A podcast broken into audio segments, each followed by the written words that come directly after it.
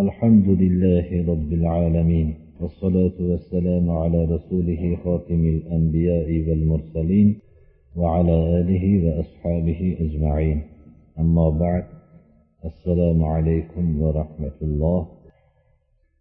بسم الله الرحمن الرحيم.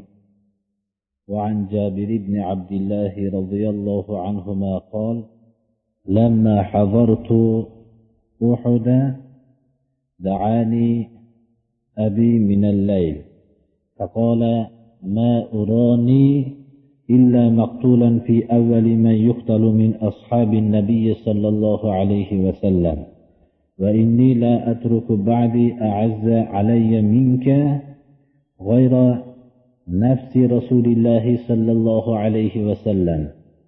وإن علي دينا فاقضي. واستوصي بأخواتك خيرا. فأصبحنا فكان أول قتيل ودفنت معه آخر في قبره. ثم لم تطب نفسي أن أتركه مع آخر فاستخرجته بعد ستة أشهر فإذا هو كيوم كيوم وضعته غير أذنه فجعلته في قبر على حدة.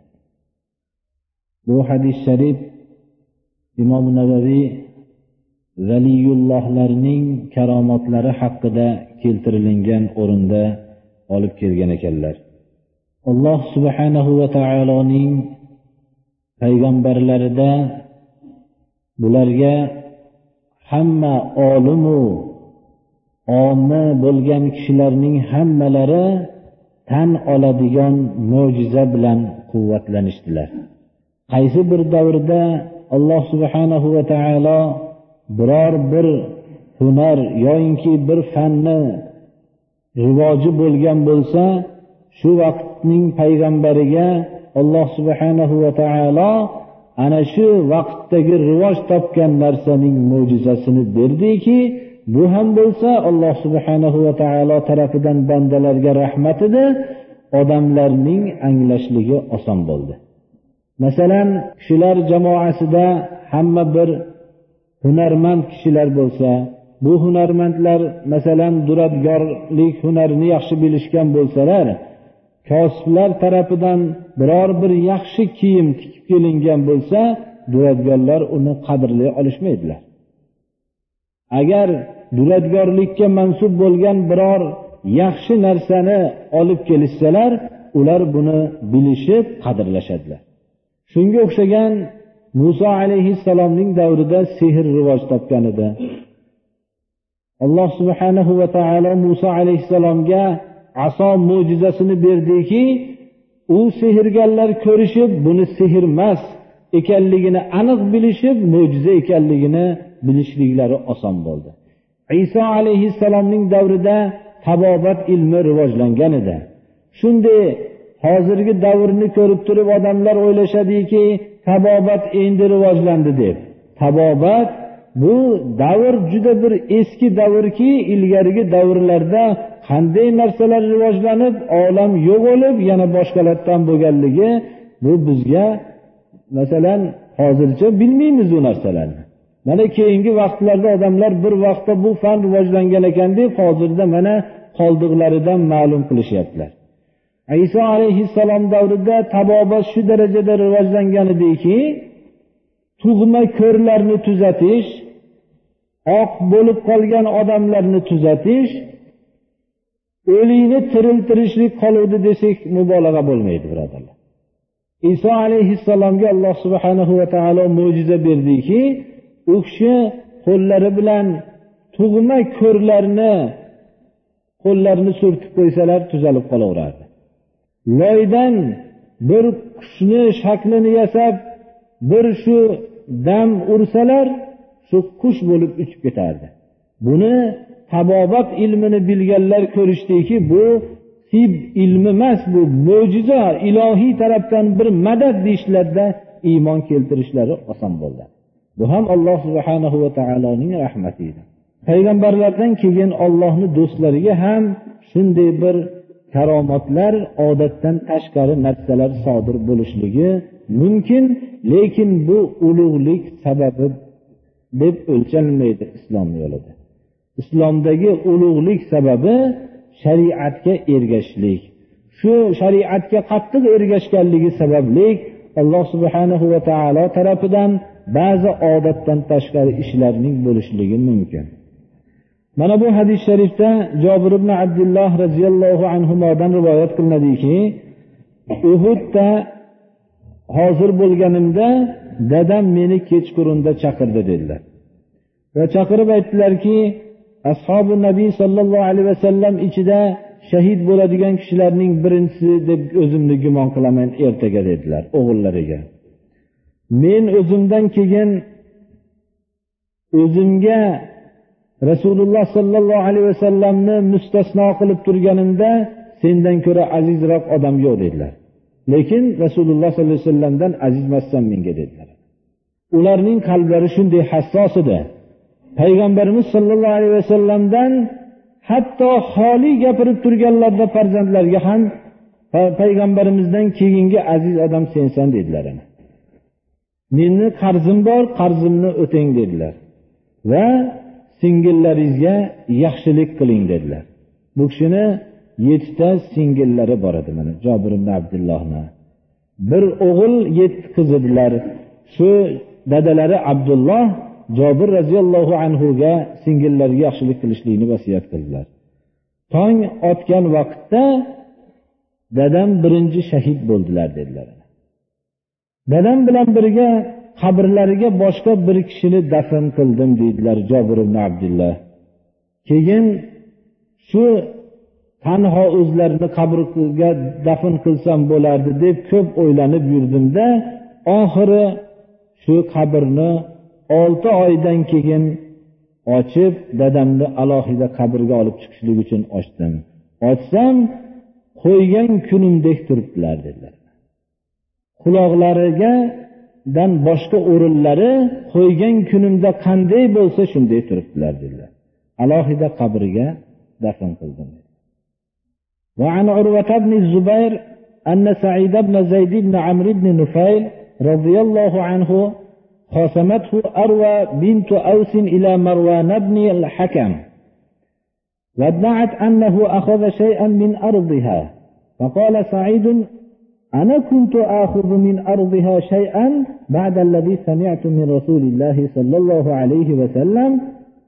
قال ماذا سمعت من رسول الله صلى الله عليه وسلم؟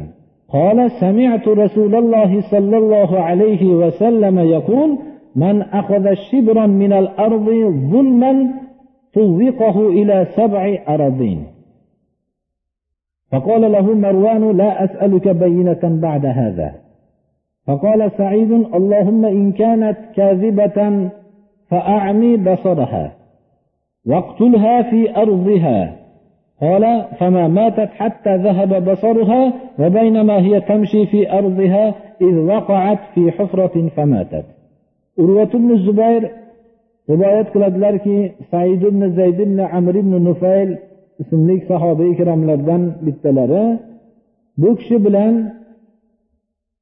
avsning qizi arvo ismli bir ayol marvon ibn hakam shu vaqtdagi xalifa bo'lib turgan marvon ibn hakamning oldiga husumat qilib bordi.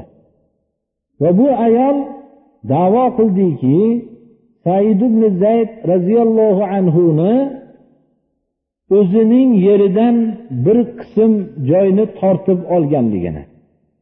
Ya'ni bu ayol aytdiki meni yerimdan bu said ibn zayd bir qism yerimni tortib oldi deb marvon ibn hakamning oldiga shikoyat qilib bordi. Saidni marvon ibn hakam chaqirganlarida bu kishi aytdilarki men nahotki shu ayolning yeridan bir qism joyda olgan bo'lsam? Rasululloh sollallohu alayhi vasallamdan shu haqda so'z eshitganimdan keyin dedilar. Marvon ibn hakam savol qildilarki rasululloh sollallohu alayhi vasallamdan nimani eshitgansiz dedilar. Bu kishi said ibn zayd ya'ni aytdilarki rasululloh sollallohu alayhi vasallamdan eshitdimki kim bir qarich yerni zulman birovdan tortib olsa yetti qavat yerning hammasini qiyomat kuni halqa qilib bo'yniga osib qo'yiladi deganligini eshitganman dedi shu so'zni eshitganimdan keyin men rasulullohdan shu so'zni eshitib turib shuni yeridan bir qarich yerni olib olamanmi dedilar.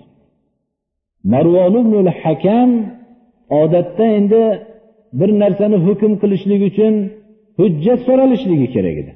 Aytdilarki men sizdan shu gapni eshitganimdan keyin hujjat so'ramayman dedilar. Bunday odam hech qanday birovni mulkiga xiyonat qilmaydi dedilar. Said shu yerda inson odam o'zining sha'nida tuhmat haddidan oshgandan keyin toqati tugaydida duoyi bad qilib tashlashlik mumkin. Said shu yerda duoyi bad qildi shu xotinni aytdilarki xudoyo shu yolg'onchi bo'lsa ko'zini ko'r qilgin dedilar. O'zi men shu yer bilan menga tuhmat qilgan shu yerida o'ldirgin dedilar. Bu ayol ko'r bo'lmasdan o'lmadi. Ko'r bo'ldi. Bu yerida ketayotganda xuddi shu talashgan yeridagi bir chuqurga tushib o'ldi ana shu ba'zi rivoyatlarda imom muslimni rivoyatlarida uni bu rivoyat qiluvchi muhammad ibn zayd ibn abdulloh ibn umar ismli zot ko'r holatida ko'rgan ekanlar shu ayolni. Devorlarni qo'li bilan paypaslab yurganligini ko'rdim deydilar ko'chalarda shunday paypaslanib saidni duosi menga tegdi deb yurar ekan ana shunday وأنها مرت على بئر في الدار التي خاصمته فيها فوقعت فيها وكانت قبرها o'zi shu janjal qilib talashgan yerda bir chuqur kavlab qo'ygan edi quduq ana shu quduqqa tushib shu yerdan biroz chiqarolmay qolib ketdi qabri ham shu bo'ldi degan ekanlar ba'zi Mana bu ba'zi pokiza kishilarga mabodo o'ziz bir odamning haqqiga bir narsa deyishlikdan ilgari uni sizning nazaringizda e'tibor bo'lmasdan qolishligi mumkin. Oddiy bir inson ko'zingizga ko'rinishligi mumkinu qalban ollohga yaqin bo'lishligi mumkin birodarlar. Biz o'ylamanglarki bu bu yerdagi biz qaddi qomatimiz boshqa moli davlatimiz hovli joylarimiz bilan ollohga yaqin bo'lmaymiz. Ollohga taqvo xudodan qo'rqishlik bilan yaqin bo'lamiz. Xudodan qo'rqqan kishilarga mabodo bir tuhmatlar qilishlikdan ehtiyot bo'lib qolishligimiz kerak. Bu dunyoyu oxiratning sharmandaligi bo'ladi. Taqvo nima? Bir kishining haqiqatda siz kelishmasdan janjallashib qoldingiz. Shu odam haqida sizdan bir odam so'raganda sharoit bo'ldiki yomonlashligingizga nihoyatda qalbingiz shunga nihoyatda ishqiboz bo'lib turibdi. Ana shu vaqtda men bu odamni yomon ko'raman.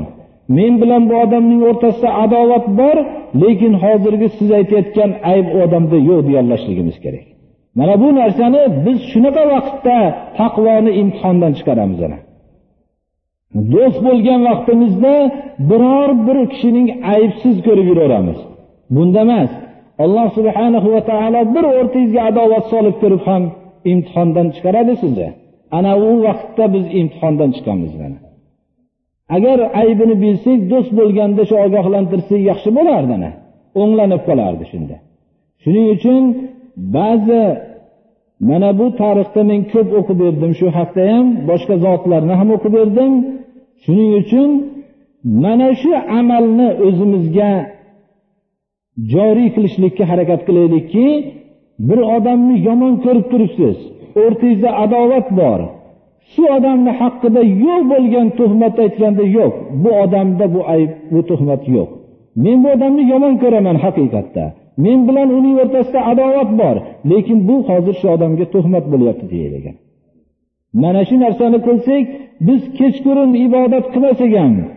Besh vaqt namoz farzni o'qib farz amallarni bajarsak nofila amallarga uncha biz katta amallarni qilolmasak ham mana bu amalimiz kechqurun bedor bo'lib kunduzi nafl namoz o'qishligimizdan afzalroq birodarlar mana. Sahobalarning ulug'ligi mana shunday o'rinda bo'lishganlari. Hatto kabibni molik ismli sahoba ikromlardan bittalari bizning hozirgi holimizga menimcha esimga kelib qoldi munosib bo'lsa kerak.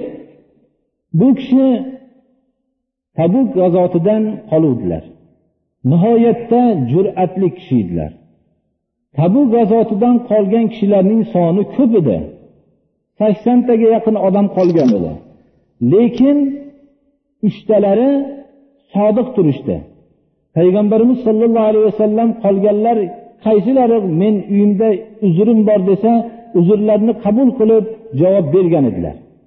Islom jangidan orqaga o'zini olishgan edi. Kabulni molik boshqalar bu kishi emasu boshqalar hammalari uzr e'lon qilishdi. Payg'ambarimiz sollallohu alayhi vasallamning odati sharifalari zohirlarga kifoyalanib shu bilan boshqa ular bilan munoqasha qilmadilar. Lekin kabul molik aytdilarki o'zlariga uch kishi shulardan bittalari men ham uzr aytib qutulishim mumkin edi. Lekin to'g'ri bordimda yo rasululloh meni hech qanday uzrsiz qoldim jangda shunda payg'ambarimiz sollallohu alayhi vasallam gaplashishlikdan man qildilar. Odamlarni hammasini bu bilan gaplashmanglar dedilar. Odamlar gaplashishmadilar. Chunki islom jihodidan o'zini chetga olgan edi.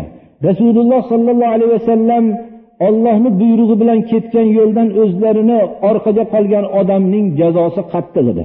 Hatto oilalariga ham buyruq bo'ldiki ular bilan birga turmaslikka. Uchovlari to'g'ri so'zni aytishdilar. Rivoyatlarga qaraganda ellik kun yer tang bo'ldi uchovlariga. Ellik kun hatto eng qadrdon oshnalarini oldiga borib ey palonchi men desalar shunday qarab burilib ketaverdilar.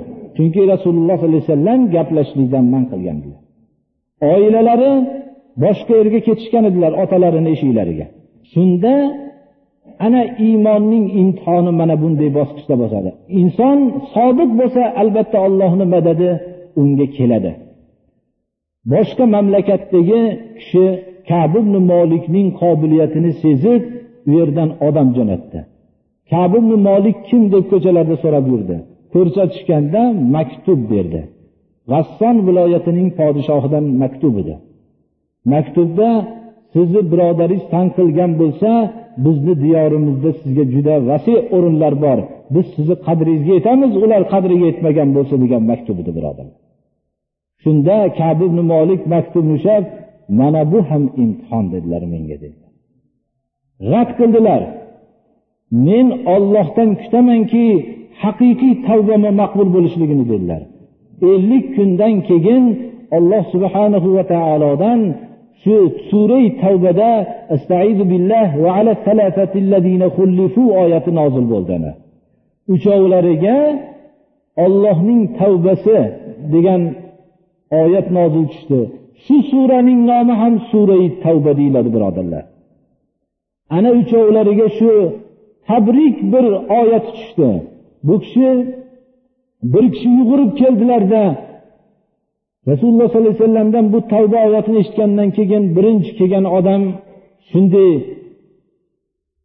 tug'ilgan kuningizdan beri bunday baxtli saodatli kunni ko'rmagansiz shunday kun bilan tabriklayman sizni deb keldilar. So'radilarki bu tabrik menga bu tavba rasululloh huzuridanmi ollohni huzuridanmi dedilar. Ollohni huzuridan oyat tushdi dedilar shunda o'zlari shunday bor kiyimlarim shu edi shu kiyimni yechib kiydirib qo'ydim shu kishiga deydilar ana ana tavbada sodiq bo'lishuvdilar mana bunday qiyomatgacha mana shular haqidagi hikoya hammamizga ibrat bo'lib oyat nozil bo'ldi.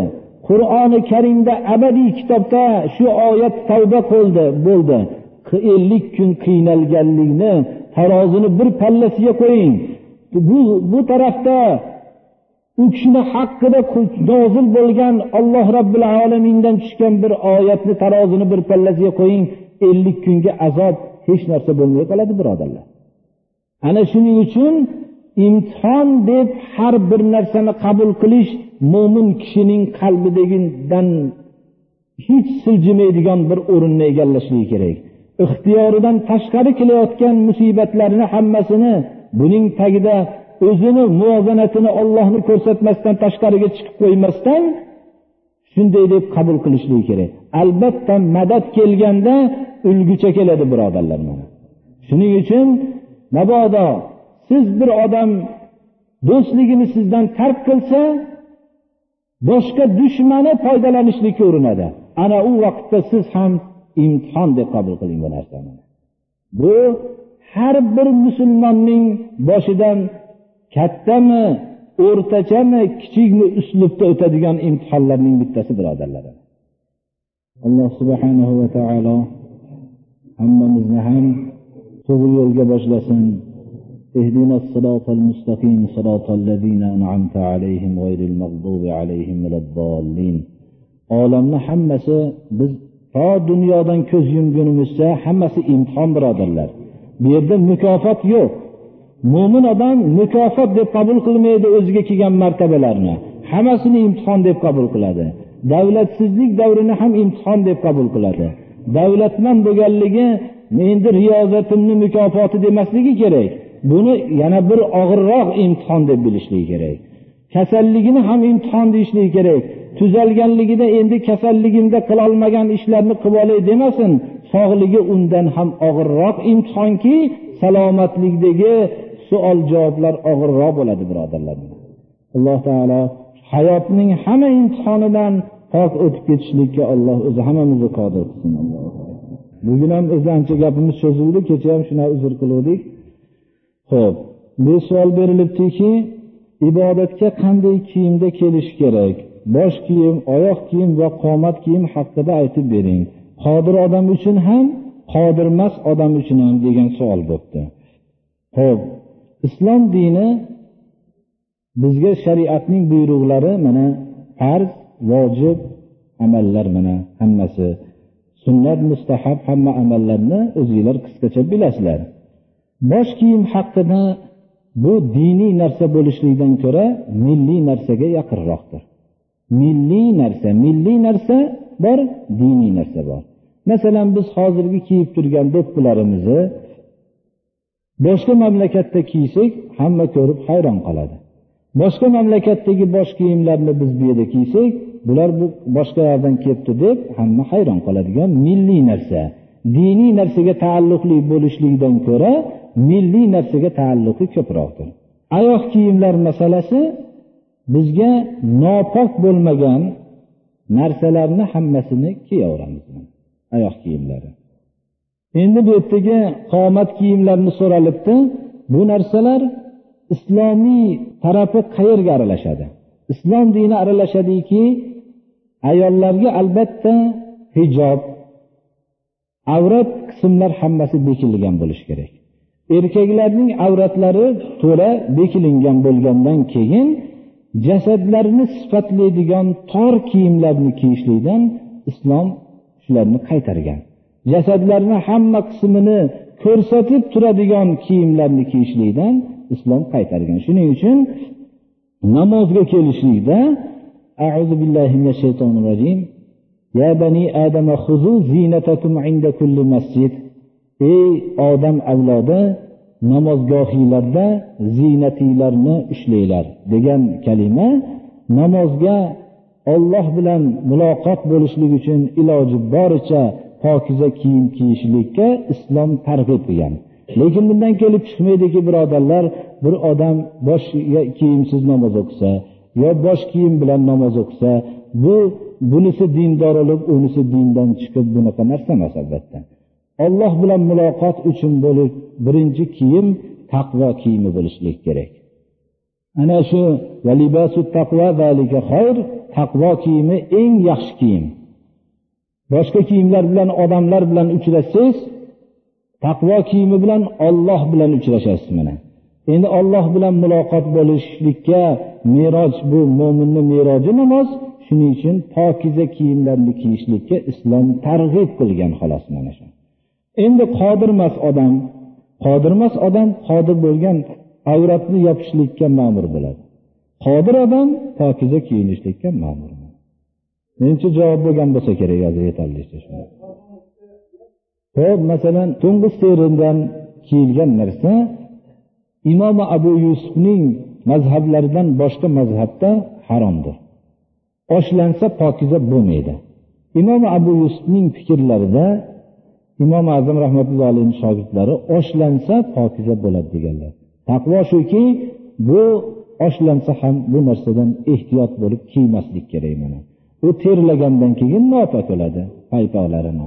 Shuning uchun biz oyoq kiyimlarini e, shunday markablarning o'rindiq o'tiradigan joylarida terilardan bo'lgan narsalarni tekshirishligimiz kerak mana. Juda oddiy narsalarni ham uyda tekshiramiz lekin bu harom bilan halolga taalluqli masalalarda biz ehtiyot bo'lishligimiz kerak. Alloh taolo hammamizni shu hadislarga amal qilishlikka alloh taolo tavfiq bersin. Allohu akbar.